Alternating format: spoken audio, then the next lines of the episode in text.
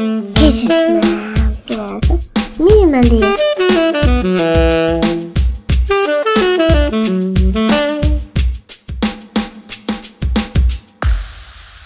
Welkom bij Gadgetman versus Minimalist, waar we met een kritische blik kijken naar nut, noodzaak, de funfactor en het hebdinggehalte van allerlei gadgets.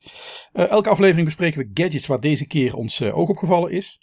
Nou ja, deze podcast wordt uh, mede mogelijk gemaakt door mijn vaste partner in podcasting, Mark Baars. Hey Mark. Hey Erik, we zijn er weer. Hartstikke mooi.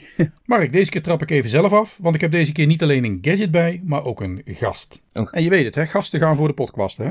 Jazeker, ben ik het mee eens. En natuurlijk zal ik onze gast even netjes introduceren bij ons publiek.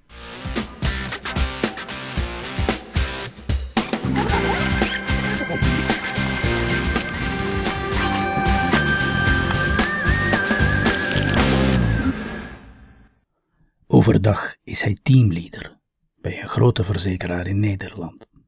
Maar in het weekend laat hij zijn liefde en passie branden achter de kachel van een prestigieus restaurant in het wonderschone Brabant.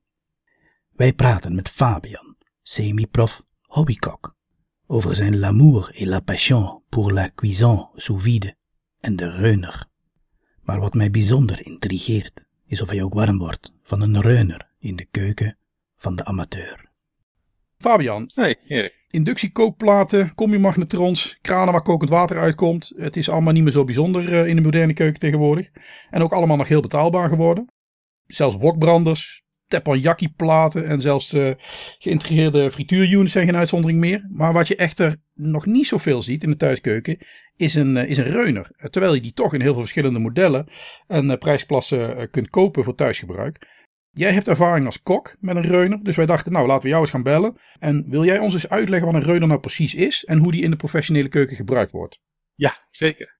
Een reuner en het apparaat heet denk ik in het Nederlands een wateroven. Uh, wat je ermee doet is uh, vacuümgaren of sous Oké, okay, dus het is niet, niet een uh, Ronner voor Donner, dat wat ik dacht. De... nee. Okay. nee, nee. uh, en wat je daarmee doet is op een lage temperatuur je producten garen. Ehm, zonder dat die in aanraking komen met een directe hittebron. Dus wat je doet, je stopt het in een zakje, dat trek je vacuüm, dat leg je in het water. En dan breng je dat langzaam op temperatuur, op de temperatuur die je wilt. Ehm, en daarna is het, is het klaar voor gebruik. En wat voor eten heb je het dan over? Want een biefstukje zal je daar niet in kunnen doen. Die moet, die moet je op een hoog vuur warm maken, toch? Ja, nou, eigenlijk kun je alles erin garen wat je wil. Wat je ziet is dat het in de professionele keuken veel wordt gebruikt juist voor vlees en vis. Het voordeel daarvan is dat je het op een, uh, een, een, een, temperatuur krijgt die je, die je graag wil hebben. Als je een biefstukje wil bakken en dat wil je graag rosé hebben, dan kom je ergens tussen de 54 en 56 graden uit. Uh, daar, kun je, daar kun je de reuner op zetten. Je gooit het uh, in het water. En uh, een tijdje later haalt het weer uit en heeft het die kerntemperatuur. Dus dan is het eigenlijk gaar. En je ziet het toch niet gaar uit, maar het heeft echt garing gehad. Aha. En dan geef je het nog een tikje mee op de grill of, op, of, in, of in de pan. En dan krijgt het wat bruiningen, dat effect. En dan, dan kun je het meegeven. Richting dat gas. Dus als het uit de reuner komt, is het eigenlijk nog niet zeg maar, goed genoeg om te presenteren richting de klant, zeg maar, richting de, de gast van het restaurant. Ja, dat, ja, dat, nou ja, dat is een beetje, dat is natuurlijk het grappige. Dat is de vraag uh, wat je zoekt als chef. Mm -hmm. Want een reuner heeft veel meer met structuur van het product te maken uh, dan met smaak. Want je proeft het er niet aan of iets in een reuner heeft gezeten, maar je, maar je, je voelt het wel in je mond. Het mondgevoel wat anders. Want op het moment als jij een, een biefstukje wil garen en je wil de kerntemperatuur 56 graden, je doet het in de pan dan heb je hitte nodig die van buitenaf komt, die vrij hoog is. En uiteindelijk trek je hem op tijd uit de pan. En dan mm -hmm. heeft die temperatuur, leg je hem er even weg, dan trekt hij wat door en dan kun je hem meegeven. Uh, als je hem in de reuner hebt gedaan, dan heeft het niks geen bruining gehad, de rest alleen gaar. Ja. Dus wat je eigenlijk uh, ziet als, als grootste verschil, als ik jou goed begrijp, is als ik als kok uh, zeg maar een stuk vlees in een pan braad, dan moet ik van buitenaf warmte toevoegen, net zolang totdat de kern een bepaalde temperatuur heeft. Dan, dan noemen we het gaar, zeg maar. Ja. En wat je eigenlijk zegt in een reuner doe je in essentie hetzelfde. Alleen dat kan op een veel lagere temperatuur. Omdat gedurende de tijd die kern uiteindelijk ook die temperatuur bereikt. Zonder dat je aan de buitenkant een veel hogere temperatuur nodig hebt gehad. Dus, dus die verkleuring van, van boter en, en, en dergelijke, die, die gebeurt niet. Want hij gaat veel geleidelijker eigenlijk dan. Ja, dat klopt. Ah, Oké. Maar dan maakt het voor een kok natuurlijk wel makkelijker in de zin van als je dat ding instelt op 56 graden. Hm. Ja, dat, dat apparaat wordt wel 56 graden. Dus die kok die kan het erin gooien en eigenlijk gewoon met rust laten of zo. Ja. Die komt gewoon anderhalf dag later terug en dan is het goed. Ja, nee, anderhalf dag is wat veel. Maar je kan hem aan het begin, zeg maar voordat je begint met werk, leg je het erin. En als je het nodig hebt, haal je het eruit. En dan geef je hem een bruin kleurtje. Kan ook met een, met een, met een brandertje even eroverheen. Want dat is een beetje wat je zoekt. Hè. Je zoekt de gaarheid, maar je zoekt ook dat, dat krokante korstje. Dat mondgevoel wil je toch wel hebben. Mm En dat kun je hem dan op, zeg maar, ja, dat kun je hem op een mooie manier meegeven. Ah, dus je krijgt eigenlijk als kok zijnde veel meer mogelijkheden om te spelen met iets wat in principe gewoon gaar is. En dan kun je eigenlijk zelf nog bepalen hoe je hem wil serveren met veel of weinig bruining en misschien nog een grillpatroontje. Dat, dat, dat krijg je in één keer uh, als, als extra um, um, ja, zeg maar variatie mee. Omdat je nu niet meer afhankelijk bent van die, van die kookplaat. Mm uh, die, die zo heet is dat die de buitenkant sowieso bruin maakt. Dus, ja, dat dus je scheidt eigenlijk die twee stappen. Ja, alleen daar zit, het is een beetje kiezen uit, uh, uit, uit, uit, twee variabelen. Je kan. Uh, als je het prettig vindt om een wat dikkere kost mee te geven. Omdat je dat, ik vind dat, ik vind mijn biefstuk, hoe ik mijn biefstuk graag, graag eet is um, um, bleu. Dus, dus, dus zo goed als rauw van binnen. Maar black en blue van buiten. Dus echt wel flink wat hitte gehad. Oh, okay. Dat zal je in combinatie met die reuner nooit lukken. Want op het moment dat je hem uit de reuner haalt, dan is hij gaar. Maar als je dan nog die dikke kost erop wilt zetten, dan moet je hem toch nog weer langer gaar in de pan. En dan slaat hij door en dan heb je schoen liggen. Ja, dus ja, dus ja. dat is eigenlijk de afweging die je maakt. Van welk, hoeveel, hoeveel kost wil ik hem eigenlijk uiteindelijk nog meegeven. En tot die gaar is, dat, dat is, dat is een feit. Fabian, waarom heet zo'n ding eigenlijk een roner of een reuner? Ja, wij noemen dat altijd een, een reuner, maar het zou ook roner kunnen zijn. Wat ik weet is dat het in de jaren 70 is ontwikkeld door twee Spaanse koks. Uh, Joan Roca en Nora Kaner. En als je die twee achternamen uh, bij elkaar voegt, dan krijg je dus een roner. Aha. Daar komt het vandaan. En, wordt, uiteindelijk is dat volgens mij een merk geworden. Dus roner kun je ook kopen als merk. Maar wij noemen dat een reuner. Maar het zou ook prima roner kunnen zijn. Dus de, echt, de echte vraag is dan eigenlijk, heet die Spaanse knakker, heet die Roca of Roca? Dat is de echte vraag.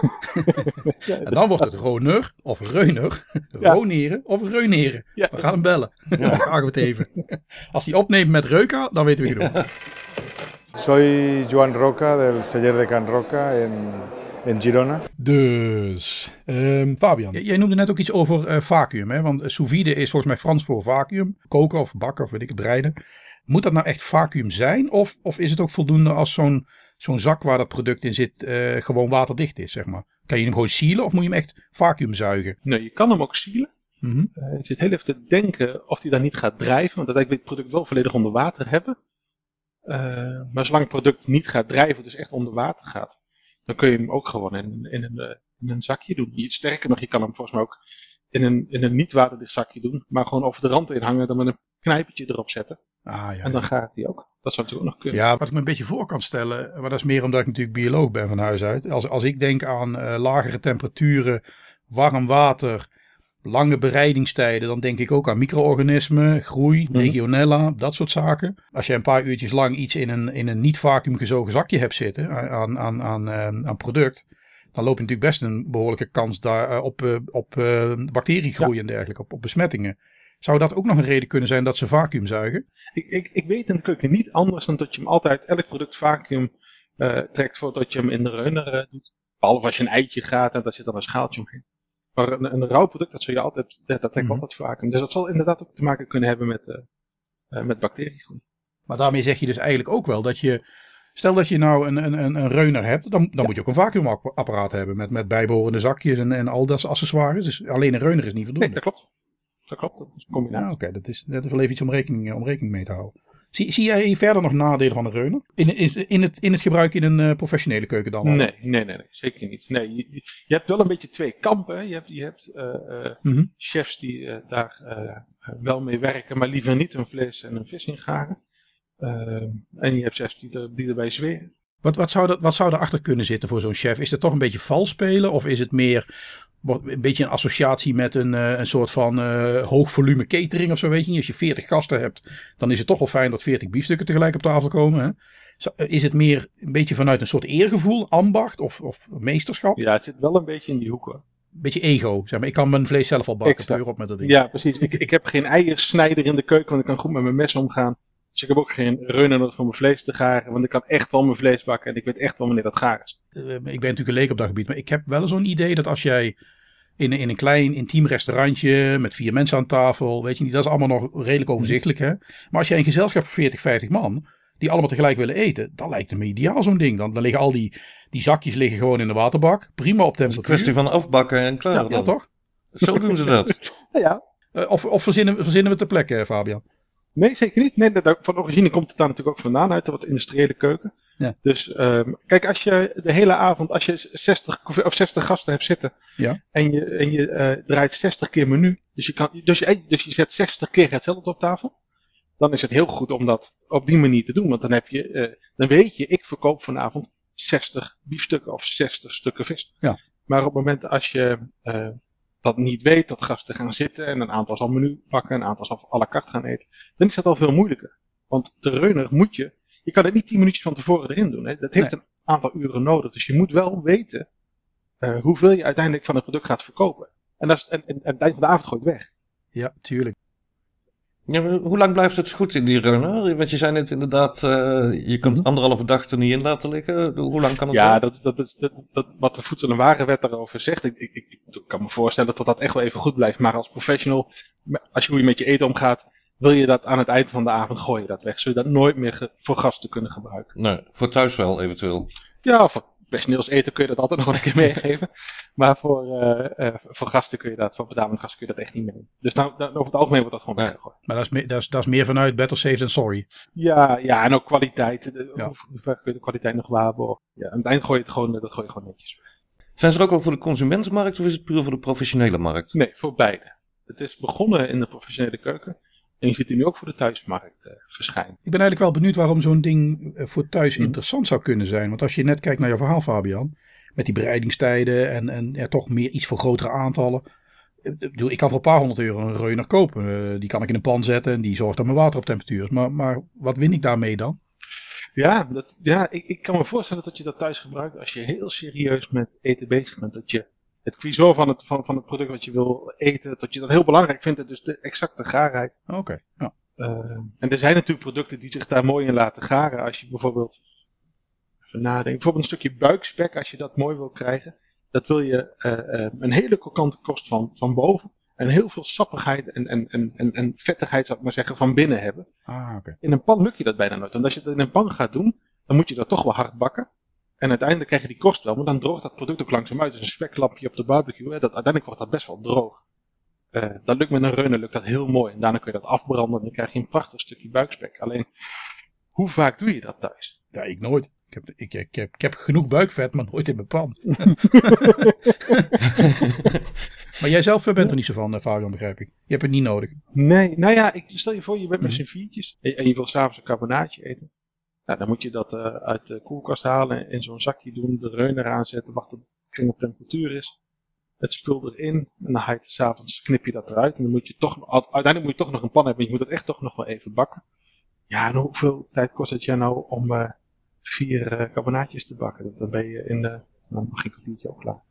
Ja, dus, dus als koopadvies zouden we zeggen, privé niet, zakelijk wel. Ja, het heeft, het heeft in de professionele keuken echt wel zijn plekje verdiend. En ook echt wel ingenomen. Ook, ook eh, zoals wij het in de keuken gebruiken, we garen er uh, eigenlijk van alles in behalve vlees en vis. En dat gaat echt heel mooi. Je kan er hele mooie garnituurtjes mee maken.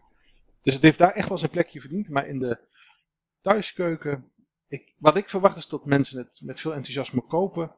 En uiteindelijk de vacuumeermachine heel veel zullen gebruiken, omdat dat handig is. Uh, en de reuner in de kast verdwijnt en dat met kerst nog een keertje uitgaat. Maar daar zeg jij wel iets belangrijks. Jij zegt eigenlijk, als je kijkt naar ons koopadvies, dan zeg je eigenlijk, een reuner, denk er nog eens even heel goed over na. En mhm. besef dat als je dat wil kopen, dat er ook een vacuumeermachine uh, bij hoort. En alle accessoires. Dus uh, je moet wel twee aankopen doen. Ja. Nou, niet kopen dan, hè? nee. Alright. Gaan we niet doen. Hij is ook vrij duur, geloof ik, hè? Ik denk dat je vanaf een 100 euro kun je ze wel krijgen. Oh, daar al, oké. Okay. maar dat is dan echt, echt alleen uh, de run, dus dan moet dan ook nog een vacuummachine bij. Nou goed, en uiteindelijk kun je, die kun je weer op je Bluetooth aansluiten en dan hartstikke spannend. Oh. Ja, nee, ja, dat kan. uh, dat, nee, dat is interessant. Wat, wat, wat doe je dan? Nou ja, dan, heb je, dan heb je, krijg je een appje. Dus dan, en, en uiteindelijk is dat een vrij, on, voor mij een vrij onzinnig appje. Want dan kun je precies zien hoe lang jouw product al in de reunen ligt en welke temperatuur het ding heeft. Uh, dus dan hoef je er niet naartoe te lopen. Alleen, het wordt nooit over. Kijk, jullie hadden laatst het, het stuk over de barbecue. Waarmee je mhm. volgens mij een temperatuurmeter had die ook op Bluetooth werkte. Daar had ik nog wel een, een beeld. En ik, oké, dat kan handig zijn. Want als je te lang op die barbecue laat liggen, dan slaat het door en is het niet meer smakelijk. Ja. Maar die kerntemperatuur wordt nooit warmer dan de temperatuur die je hebt ingesteld. Dus ook al ligt het er vier uur in en heeft het maar een uur nodig, dat maakt helemaal niks uit, want de kwaliteit gaat niet achteruit. Dus nee, nee ja, dit, ja, dit komt niet zo krap. Exact, dus hoe vaak zou ik op dat appje gaan kijken hoe lang die er al in ligt? Nou, ik ben geen hele grote kookfreak, maar wel een gadgetman, dus uh, ik zou het eigenlijk wel eens een keer willen proberen.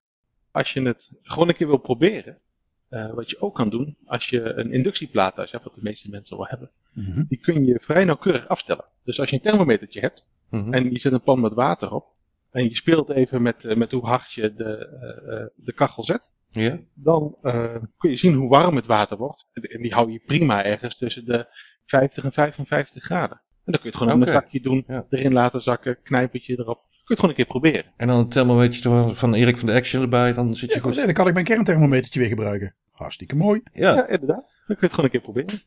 Oké, ga ik meteen doen. Alright, succes. Goeie tip. Nou, dat was een leuk gesprek met Fabian over zo'n super professionele food processor gadget.